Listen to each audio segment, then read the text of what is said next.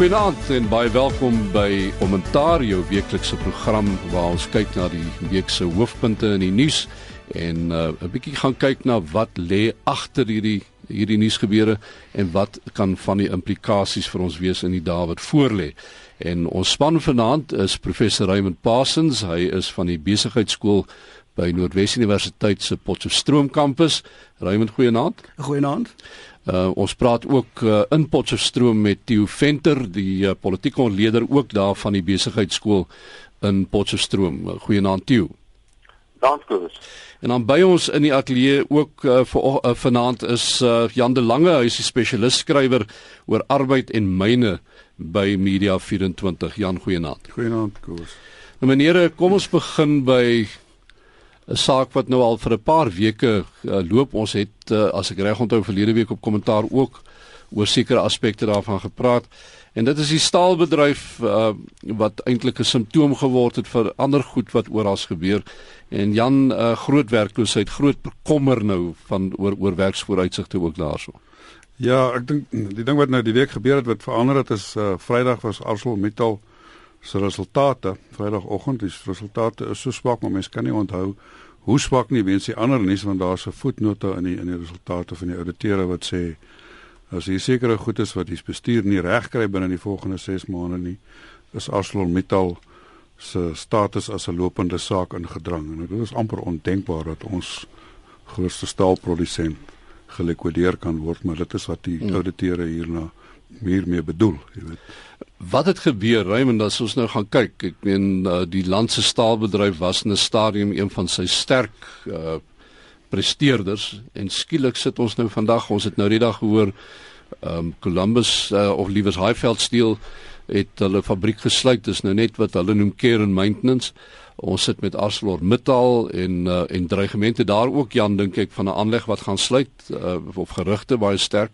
Kyk hulle die proses begin om om om die vereniging aanleg wat nou die soort van knippel produkte maak gespesialiseerde produkte is 'n kleiner aanleg as die van 'n boupark met omtrent 1200 poste wat hulle het begin met die proses om dit te sluit hulle dis nou die kennisgewings aan die vakbonde aan die werk mag hulle moet teen einde Augustus einde van hierdie maand nou sal hulle besluit hmm. maar dit is eintlik maar 'n dis eintlik maar 'n 'n 'n proses wat deur hulle gaan ek ek ek, ek, ek dink is daarmee seker hulle om gaan sluit. Hmm. Maar Kobus, ek dink dit is van die van die rooi ligte wat wat nou flikker in ons ekonomie. Ek dink daar is buitelandse faktore soos die hele Chinese posisie uh, wat sekere pryse raak en dan ook binnelands die hele kwessie van die die trant en in in die eintlike koste struktuur wat aangaan wat baie maatskappye raak, maar veral hierdie sektore.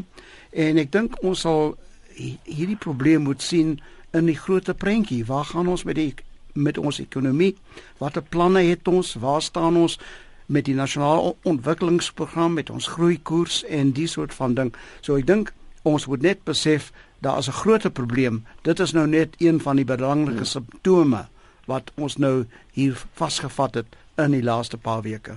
Ja, met al... Jy weet ek praat met 'n bietjie emosie oor ek het groot geword op van 'n boupark. So ek is 'n ek is 'n grootmaakkind van die ou yskor wat nou later uh Arsenal metal geword het en waar hy nou waar hy nou vandag staan en die hele valdriehoek is eintlik gebou rondom die ou yskorwerke en al die ehm um, fabrieke wat ja. wat eintlik ehm um, daar rondom sit. En ehm uh, dit is 'n dit is 'n baie groot um, uitdaging dink ek vir die vir die ekonomie as so iets moet gebeur, maar dit herinner ek herinner my ook daaraan dat die aanloop tot die probleem waarskynlik nie die groot oorsaak nie, maar die aanloop was ook die die skikking wat bereik is rondom Sishen in die ou dae het ons gedink Sishen behoort aan Yskorf en vandag is dit 'n Anglo-American uh, fasiliteit, is dit nie waar nie?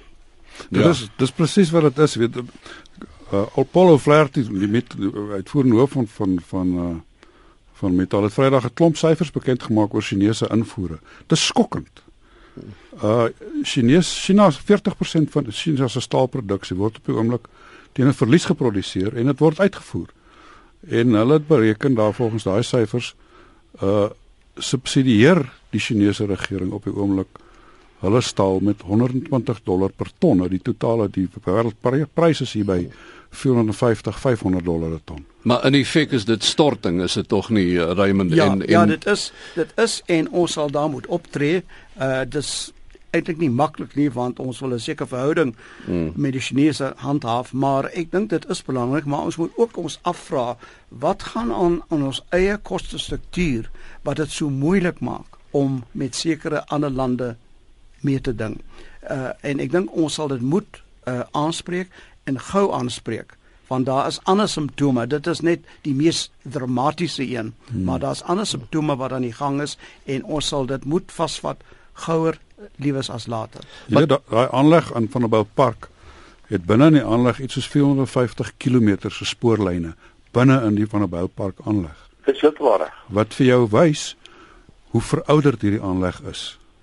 Jy weet, hmm. hy sal moet herbou word as ons hom wil wil wil wil wil, wil, wil red as ons wil mededingend wees. Op die oomblik is daar die stortingsprobleem, maar op die langer termyn en die stortingsprobleem is een van die goed wat die saak kan red, nie net met met met ArcelorMittal nie, ook met Highveld.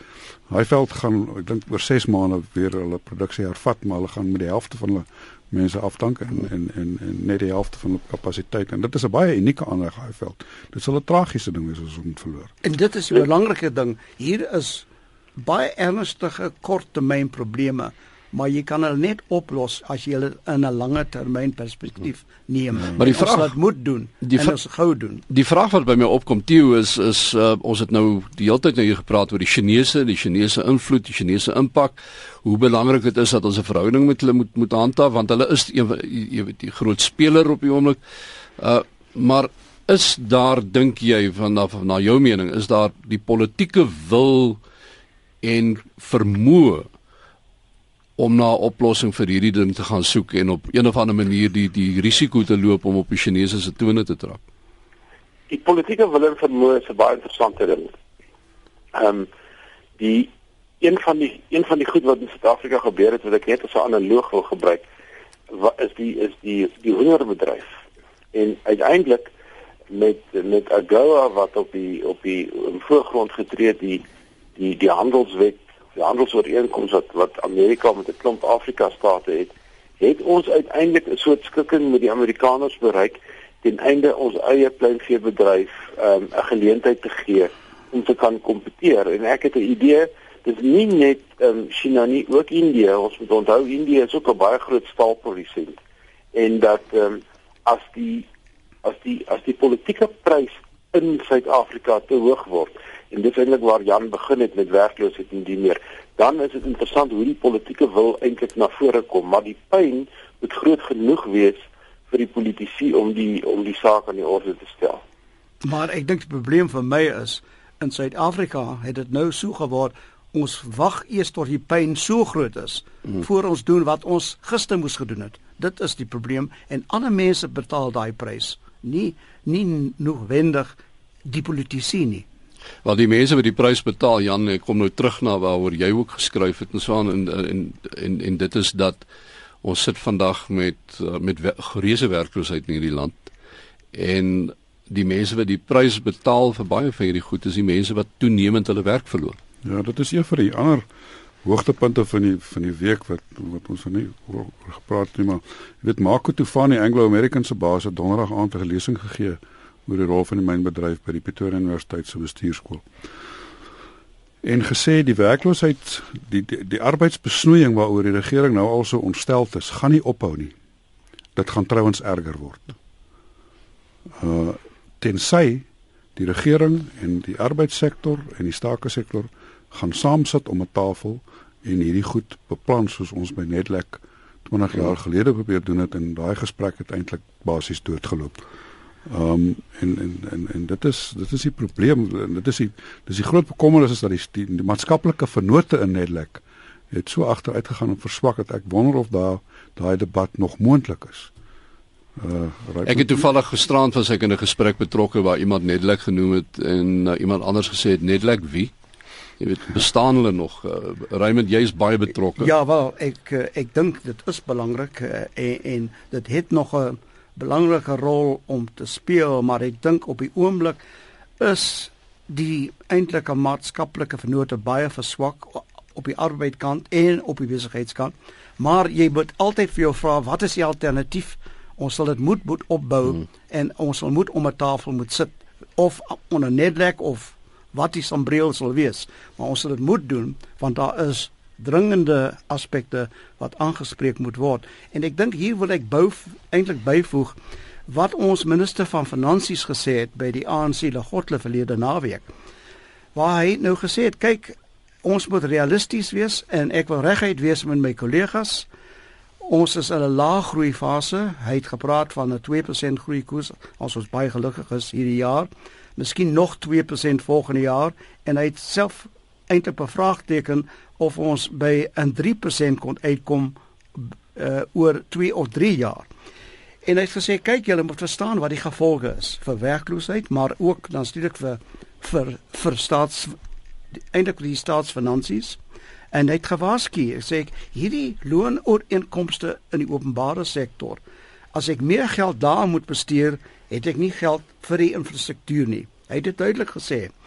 En hy sê kyk, ons moet dan baie versigtig wees, ons moet verstaan wat die implikasies is. Nou vra ek myself af, goed en wel, as ons nou hierdie lopende uitgawes moet eintlik finansier op die een kant uh met die openbare sektor wat gaan dan gebeur wat die geld wat nou nodig is om die infrastruktuur uit te bou hmm. om daar werk te te skep en om eintlik beleggings in in die openbare sektor aan die gang te kry.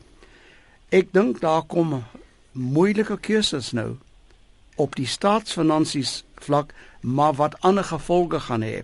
En ek dink hy het probeer om sy kollegas te ooreed dat hier is 'n sekere dit is 'n belangrike realisme wat hulle moet hmm. aanvaar hmm. en daar gaan politieke gevolge ook wees.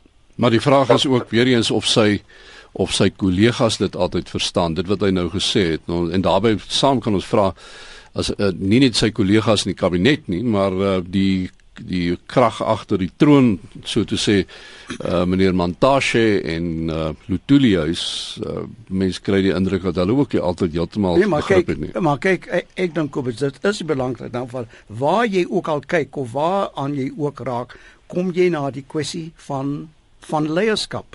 Goeie ja, leierskap is ja, nodig om dinge te laat gebeur om die besluite, die moeilike besluite te neem en dan om aan te dring dat hulle geïmplementeer word. Hmm. Uh, ek ek wil en ek dink ek dink dit is 'n belangrike punt. Ja, nie minister Dene nie, ook nie sy voorganger Pravin Gordhan het die impak gehad op beleid en besluitneming wat Trevor Manuel ooit gehad het nie. Ek dink hulle sê die regte goed en ek dink hulle sê dit op die regte plekke, maar ek weet nie of dit die impak het nie want in die in die uitvoering van dit wat hulle sê, byvoorbeeld Pravin Gordhan se onvermoë om sekere saakmakende besluite te neem rondom munisipaliteite se finansies en die uitsortering daarvan. Dieselfde moet nee nee lyk dit net vir my asof die die rol van die minister van finansies tipies in jou moderne demokrasie is 'n hy hy tree amper op op soos wat die finansiële bestuurder in 'n maatskappy optree. Die sogenaamde CFO. Hy's betekenisvol, hy's belangrik, maar dit lyk vir my asof hy polities in Suid-Afrika nie dieselfde impak het as as Trevor Manuel as 'n voorbeeld. Ek nou dan wil ek ja. dan wil ek daarby voeg. Die storie oor Netlek en ehm um, ek hoor dit in ander areas van die van die groter volkssamelewing ook. Ehm um, daar moet 'n volksberaad gehou word oor grond. Daar is mense wat sê ons moet 'n groot nasionale byeenkoms reël oor misdaad. Daar's mense wat sê ons moet 'n soort uh, net lek by einkoms hou oor baie ander goed. Ongelukkig is dit wensdenkery. Hierdie die ontstaan van Netlek was aan die beginjare van hierdie demokrasie toe daar 'n sekere mate van 'n magsbalans was. Die ANC was onseker oor wat is sy werklike politieke mag. Die ou orde was onseker oor wat is hulle impak. Nou, 21 jaar later, is die ANC 'n klassieke voorbeeld van 'n dominante eenpartytjie stelsel. Met ander woorde, een party wat so groot is dat hy eintlik horende doof geword het. So die krisis waarin ons nou sit, is eintlik 'n be verskriklike belangrike een vir die ANC om van kennis te neem want hulle moet oor minder as 'n jaar met hulle verkiesing hou in swak ekonomiese omstandighede en ek dink dit is die konteks waarin Nene sy toespraak gehou het. Maar ek wil net byvoeg, ek stem saam. Uh maar my my punt is gelukkig of ongelukkig gaan hierdie hierdie ekonomiese realiteite toesak. Wat al ook die minister van finansies sê, hy kan net sê ek was reg. Maar hy is nou in 'n sterk posisie om te sien, kyk waar is die rooi ligte wat flikker? Hmm. Dit sak toe op ons. Ons sal moet iets doen en ek dink in die sin is hy in 'n sterker posisie al is hy nie so in so sterker posisie soos van sy sy voorgangers soos so Steve Manuel. Maar ek dink wat belangrik is nou ons moet besluit hierdie pyn hoe groot gaan dit wees en wat gaan die politieke gevolge van van hierdie hierdie ekonomiese pyn wees want ons begin dit nou normaliseer na 21 jaar. Maar nou sien ek meneer Ibrahim Patel, minister Ibrahim Patel reken dat um, hulle het 'n oplossing vir werkloosheid in hierdie land. Hulle gaan op groot skaal werk skep, sê hy om uh, om infrastruktuurprojekte te help uh, bedryf te bou en te onderhou. Wel, ek dink kyk, ek dink nie die staat kan eintlik baie werk skep nie. Ek, ek dink ons het sekere veiligheidsnette nodig en en ek dink ons moet dit ondersteun. Maar ons kom weer terug na wat Nenny gesê het oor staatsfinansies. Hy is in die knyp. So daar uh, ja. dit is beperkte hulp wat eintlik die regering moet doen. Die belangrike ding is om 'n sterker boodskap oor te dra aan die privaat sektor en hmm. om eintlik vertroue daar uit te bou van hulle uit die einde van die dag moet eintlik die werk skep. Jy weet die, die een ding waaroor die staalmaatskappye kla is die plaaslike inhoudsprogram van die regering. Uh Prasa, hierdie spoor, hierdie lokomotiewe waaroor ons nou die dag geskryf het. Waaroor wat nou so so baie nie weet as daai lokomotiewe in Suid-Afrika gekoop is en hier gebou is, sou Eskom en IFL Steel nie in die probleme gewees het waar hulle nou is nie. Hulle sou nog steeds probleme gehad het met die Chinese en hulle sal nog steeds hulle tegnologie moet verbeter en hulle doeltreffendheid moet verhoog. Wat groot wat groot investering van hulle aandeelhouers gaan vra. Die aandeelhouers sal dit doen as die regering uh sy deel doen met met infrastruktuurontwikkeling. Die infrastruktuurontwikkeling is iets wat al jare oor gepraat word en in die nasionale ontwikkelingsplan uh uiteengesit word wat moet gedoen word. Transnet het 'n 500 400 miljard rand program. Uh miljard rand wat hy moet bestee en en hy doen dit maar die geld Jan, word nie plaaslik bestee nie. Ja. Is dit nie weer leierskap die die punt waaroor Raymond net nou gepraat het nie want jy sit met die nasionale ontwikkelingsplan aan die een kant en jy sit met IPAP en alles waaroor en Patel praat en skryf en ideologies is die twee programme, nasionale projekte praat eintlik verskillende tale en eers het jy die leierskap nodig om te besluit hoe en wat en waar en ek dink nie dit kom van nommer 1 af nie. Nee, ons gaan net met afstap van die uh, uh, uh van hierdie onderwerp af en dit lyk vir my ons gaan nou heelwat tyd daaraan bestee. Maar uh, kom ons kyk ook vanaand na 'n ander kwessie en dit is Ria Piega. Sy bly maar in die nuus dit lyk vir my sy klou vir, vir verbeter aan haar pos wat sy daar het en en nou is sy in gesprek met die president ook. Soos jy sê Kobus, uh, mens kan nie glo dat daar iets gebeur het soos Marikana met 'n kommissaris en laat mens billik wees en sê sy was net 'n maand in die stoel. Uh dis nie haar skuld nie.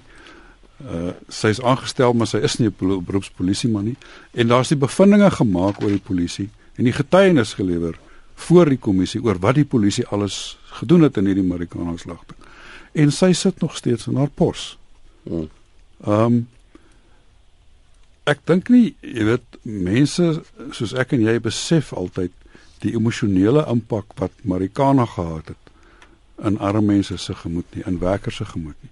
Dis Kosato lede wat op Kosato lede geskiet het en hulle doodgeskiet. Dis reg. Jy weet. Uh en en en en hier sit hierdie vrou. Ek dink net veel Theo het net nog gepraat van volgende jaar se verkiesing. Een of ander tyd gaan hierdie goed uh uitdrukking kry en en die enigste manier waarop dit nog kan uitdrukking kry dink ek is is in 'n verkiesing. Maar maar, maar weer eens dink ek Jan, ek Zuma 'n fout gemaak soos wat hy met 'n paar ander aanstellings gemaak het. Ehm um, dit lyk nie asof Ria Piega enigsins die die kultuur of die gewoonte het wat 'n mens verwag in 'n in 'n moderne samelewing, moderne demokrasie dat iemand verantwoordelikheid neem vir iets. Dit lyk vir my sy het besluit om soos as soos 'n lui student haar referate uur voor die tyd te gaan ingee, net net betyds. En ja. ek ons weet nou nie wat is die inhoud van die verslag nie of haar antwoord aan die president van die president het gevra hoekom moet hy haar nie um, van haar pos onthef nie. En uh, dit lyk vir my alles dui daarop dat sy goeie redes aanvoer hoekom sy wil bly in haar pos. Die die die die, die beste illustrasie daarvan is is haar reaksie op die ding, die aantuiging dat die polisie iets soos 40000 skerp ammunisie patrone bestel het voor hulle die operasie uitgevoer het. Uh en sy sê, maar dis nie sy wat dit goed bestel het nie. Dis haar onderdane. Wat hmm. net vir jou wys, sy het hoegenaamd geen begrip van van toerekenings van van verantwoordbaarheid nie. Raymond, wel ek wil eintlik 'n breë punt maak want kyk, hier is 'n patroon van gedrag met baie van die aanstellings wat verkeerd geloop het en die mense klou aan hulle posse, uh, jy weet aan aan, aan hierdie poste vir 'n uh, uh, vir 'n lang tyd. Ons moet daarvoor betaal en en en as jy kyk na die patroon oor die laaste paar jaar, stuur ek 'n baie slegte boodskap uit dat jy nie verantwoordelikheid neem nie, dat die waardestelsel is so dat jy klou aan hierdie dinge. Eh, jy doen nie die regte ding wanneer jy eintlik verkeerd is nie. En ek dink dit sê iets oor die kwaliteit van ons openbare lewe hmm. dat dat ons soveel instansies het waar ons hierdie hierdie aspekte moet eintlik debatteer. Maar hoekom hoekom bedank nie hier weet hierdie persoon nie? Hoeveel keer word ons daai vraag vra? Baie keer.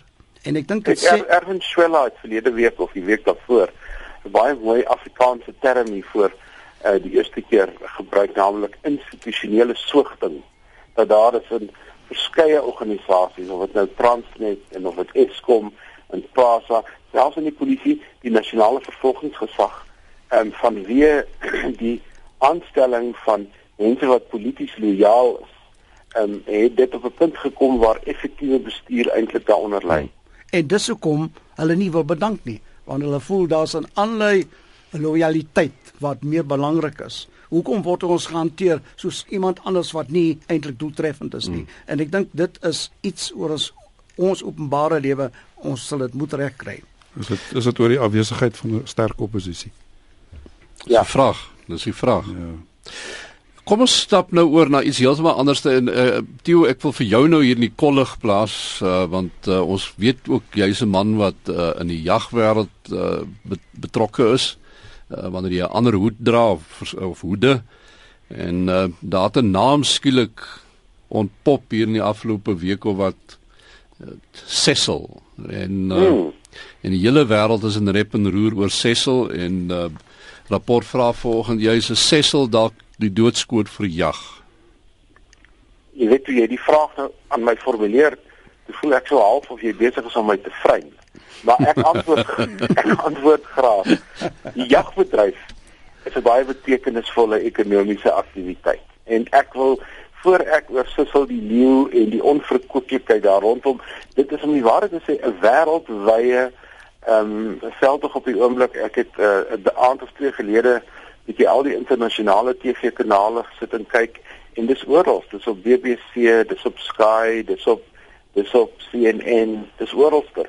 Die die jagbedryf in Suid-Afrika se suksesverhaal was toe in die 60s en die 70s mense besluit het om 'n ekonomiese waarde op wild te plaas. En dit het so fenomenaal gegroei dat daar is ehm um, waarnemers in die jagbedryf wat vandag sê dat ons meer spesies en meer verskeidenheid spesies van wild het, ook die getalle as voor die rinderpes van 1896.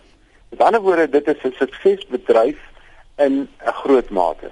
Die groot probleem lê die lê by die regulering van die wildbedryf, die etiek wat in die wildbedryf gevolg word en dan natuurlik ehm um, ek weet nie wat om dit in Afrikaans te noem nie, maar daar's 'n rogue element in die hmm. jagbedryf. 'n Klomp ehm um, wille manne.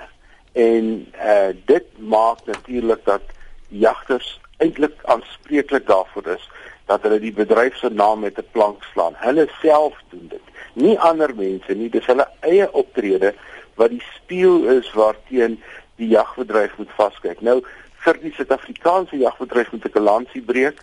Die die professionele jagters, die jag, die die wildboere, ehm um, die gewone jagters, almal goed georganiseer. Hulle probeer hulle bes, maar dit is hierdie insident wat natuurlik nie in Suid-Afrika plaasgevind het nie, maar in Zimbabwe.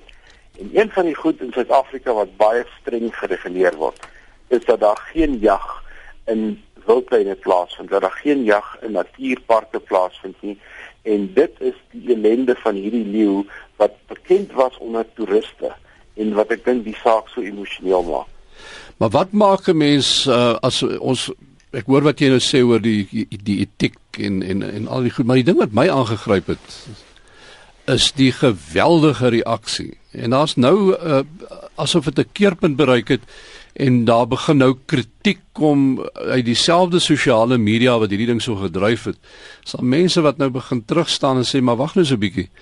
Is hierdie ding nou nie heeltemal buite verband geruk nie en is ons nie besig om waar's daardie reaksie wanneer daar byvoorbeeld kinders vermoor word of as 'n plaasmoord of as 'n iets anders wat gebeur. Ons sien nie dieselfde vlak van reaksie nie, maar daar het nou hierdie as nou 'n leeu geskiet en ja, hy was 'n bekende leeu, maar uh, het ons nie eers 'n bietjie perspektief verloor in hierdie ding nie. Ek dink so. Ek dink bepaal so wanneer dit oor die wanneer dit oor die wildbedryf gaan, dit het ons het dieselfde ehm um, verskynsel gesien rondom die olifante wat ons geweet het te veel is en wat ons natuur vernietig as uh, mega herbivore. Ons het dieselfde ding gesien met die doodmaak van robbe wat te veel was en ons visbronne begin opgebruik het. Daar is 'n daar is 'n 'n um, element in die wêreld daar buite wat ek dink die perspektief verloor het oor hoe die natuur in mekaar steek en hoe die ekologie in mekaar steek. Miskien moet ek net oor 'n leeu en oor wild in een of twee goed sê. Wanneer 'n leeu in sy natuurlike habitat voorkom, is dit maar 'n wrede setup. En en wat leeu's met mekaar doen is wreed. En ek het 'n idee onderliggend aan dit wat jy vra, Kobus, is mense het begin om menslike motiewe en menslike emosies op diere te gaan projekteer. Hulle doen dit selfs met hulle honde by die huis, hulle troeteldiere dis nie noodwendig die regte ding om te doen nie. Ehm um, mens moet die natuur in konteks sien, mens moet die natuur nie vermenslik nie. Kom ons los maar vir Cecil dan daarso en uh, ons ek is seker daar nog baie oor hom geskryf en gepraat word. Maar uh, aangesien jy uit daarom nou net so buite die grens was, kan ons maar in die buiteland nou bly en uh, voor ons die program be uh, jy weet begin het het um, ek en jy bietjie gepraat wie gesê maar daar's 'n belangrike ding. Dit was meneer Obama wat daarom ook nou weer in die nuus was hierdie afgelope week. Ja, um, ek sou graag my kollegas ook daaroor wil hoor. Hy het sy sy sy pa se geboorteplek Kenia besoek en 'n paar belangrike toesprake gelewer, maar die heel belangrikste was sy toespraak vir die Afrika Unie, die eerste Amerikaanse president wat dit gedoen het en hy het geen doekies omgedraai oor die probleme van Afrika, hmm. leiers wat nie ehm um, hulle hulle termyne ehm um, kan byhou nie en hulle termyne verleng en mense wat dink hulle moet vir ewig aangestel word en sy woorde was al het hulle so baie geld. Ek dink Obama het 'n um, paar belangrike goed kom sê en dit die verwagting is dat as hy volgende jaar uittreë as president, hy 'n bietjie 'n groter rol sal speel as 'n soort fasiliteerder in die Afrika kontinent en dis meer. Dit is Dit is so kortliks wat ek sou wou sê. Ja, ek sou daarmee saamstem. Kyk, ek ek dink hy het 'n baie goeie toespraak gemaak. Hy het baie belangrike gesê uh, dinge gesê vir vir die kontinent, maar vir my die onderliggende punt was eintlik as jy na hom luister en jy sien hom in aksie. Hy is 'n leier. Hy is 'n ware leier of jy met hom saamstem of nie. Hy hy, hy sê vir jou waar hy staan, waar hy wil gaan en waar hy eintlik mense met hom wil saamneem. Ons kan ook daaruit lesse leer wat hy is ook bereid vir onpopulêre dinge te sê. Hy is bereid om te sê ek dink ons moet in daai rigting gaan, reg of verkeerd. En dan moet ons sien oor tyd hoe suksesvol hy was, maar sit, hy hy skep die indruk van iemand wat 'n ware leier is, reg of verkeerd. Die as 'n mens nou terugkyk uh, in in daardie konteks, uh, Tieu Uh, daar was 'n tyd hier 20 jaar, 21 jaar gelede toe daar van Suid-Afrika verwag is dat hy eintlik half 'n rol sou speel op hierdie kontinent soortgelyk aan wat meneer Obama hierdie week gedoen het dat hy 'n morele leier, 'n etiese leier sou wees wat vir al die ander ouens ook nou die pad wys. En uh, vir Suid-Afrika self moes moes meneer Obama se vertoning hierdie week uh, so half 'n nostalgiese ding gewees het. Ja, kyk um, Mandela het goed begin. Een of twee groot krisisse in sy tyd beleef in Afrika waaraan hy niks kon doen nie. Dink aan die Nigeriese insident en Mbeki het veral dit sy besigheid gemaak om in Afrika betrokke te wees. Die Afrika Unie is sy skep, sy maaksel, die Afrika Renaissance, maar ons het geweet die dag toe Zuma president geword het dat sy belangstelling in Afrika is laag en dat dit waarskynlik heeltemal op die agtergrond gaan verdwyn soos wat dit gedoen het. So jy is heeltemal reg. Ons was al daar, ons het daai vermoë verloor. En onthou ook dat by die Mandela begrafnis wie het die beste toespraak gemaak? Dit was Obama. Hmm. En en ek dink dit wys weer sy sterkpunt en ek ons kan baie daarvan leer en soos gesê ons moet eintlik meer leierskap wys as wat ons nou nou in, in Suid-Afrika het. Dan net um, die tyd haal vir ons nou redelik vinnig in maar ons het daar nog 'n paar minute um, terwyl ons nou oor uh, Obama praat en voorbeelde stel en dinge waaroor mense praat en leiding neem. En kan la spook nog. Dio? Ja, ek dink daar spook die die spesiale komitee wat daarna kyk het nou die hele week gedebatteer en dit is um, dit is duidelik dat die saak nie gaan lê nie. Dit is duidelik dat die uh, ondersoek van Tuli Madonsela destyds 'n baie volledige ondersoek was en uh, dit is ook duidelik dat hoe die ANC dit ook al hanteer, hulle is besig om die onverdedigbare te probeer verdedig en ek dink hulle self besef hier is hulle in 'n in 'n gat waar hulle nie gaan uitkom nie. Hmm. En Jan het vroeër gepraat van die politieke konsekwensies van Marikana, die politieke konsekwensies van werkloosheid. Marikana gaan beslis ook politieke konsekwensies hê. En Kandla bedoel jy? Ag, en Kandla. Hmm. Ek sit net en wonder ek ek, ek, wil nou stout wees in die vraag vra maar jy weet 'n president wat met 5 of 10 miljoen rand oor die tou trap gaan seker sy pos verloor of iets van die aard, maar 'n president wat oor die tou trap met 2 246 miljoen. Hy kan nie gaan aftree nie. Dit hy gaan, kan nie gaan aftree nie. Dis 'n dit is 'n belangrike ding wat jy daar sê. Ja, ek het ek het 'n gevoel van jy weet en dit is dis my soort van die die die die olifant in die kamer waaroor niemand praat oor met Nkandla nie. Is ehm um, kan Zuma dit bekostig om af te tree? Raymond? Wel, ek dink uh dis 'n groot vraag. Uh hier hele kwessie van die opvolgproses uh, na Zuma, maar ek dink iets kan iets kan gebeur wat dit nog moontlik kan maak. Hulle kan iets uitwerk wat dit moontlik gaan maak dat as daar 'n probleem is, hy kan aftree met met veiligheid. So 'n soort van 'n amnestie of die soort van ding. So ek weet ek dink nie dis 'n uh, een ding of die ander nie. Ek ek dink soos soos die tyd nader staan sal sal 'n oplossing gevind word uh vir wat hier kan gedoen word. Wel, Dominikus Raymond, dit lyk vir een van sy vrou, een van sy vyf vrouens het begin soek na 'n oplossing. Een van die Sondagkoerante se opskrif vandag. Ek weet nie of dit die rigting is waarna daar gedink word nie, maar die die eintlike probleem is Jan se vraag is 'n baie geldige vraag. Nie alleen in politieke terme nie, maar ook in ekonomiese terme want om om 'n investering van 246 miljoen volhoubaar te ondersteun deur die Suid-Afrikaanse belastingbetaler vir die volgende 10 of 20 jaar is 'n groot uitdaging. Die vraag is wat gaan meneer Zuma se rol wees as hy uit die politiek uittreë? En ehm um, miskien net een of twee klein laaste opmerkingkies. Ek sien van die name van sy vriende en die name van sy besigheidsvennote die die Guptas en andersins kom voor in gesprekke oor Transnet, oor Newtel en oor Prasa. En dit dink ek is die groot probleem wat mense eendag nog behoorlik moet uh uh, uh uitmekaar uithaal om te kyk wie kry wat waar. En op daardie tydrand moet ons nou ongelukkig haltroep vanaand die tyd wat vir ons nou wreed ingehaal het met 'n lekker gesprek.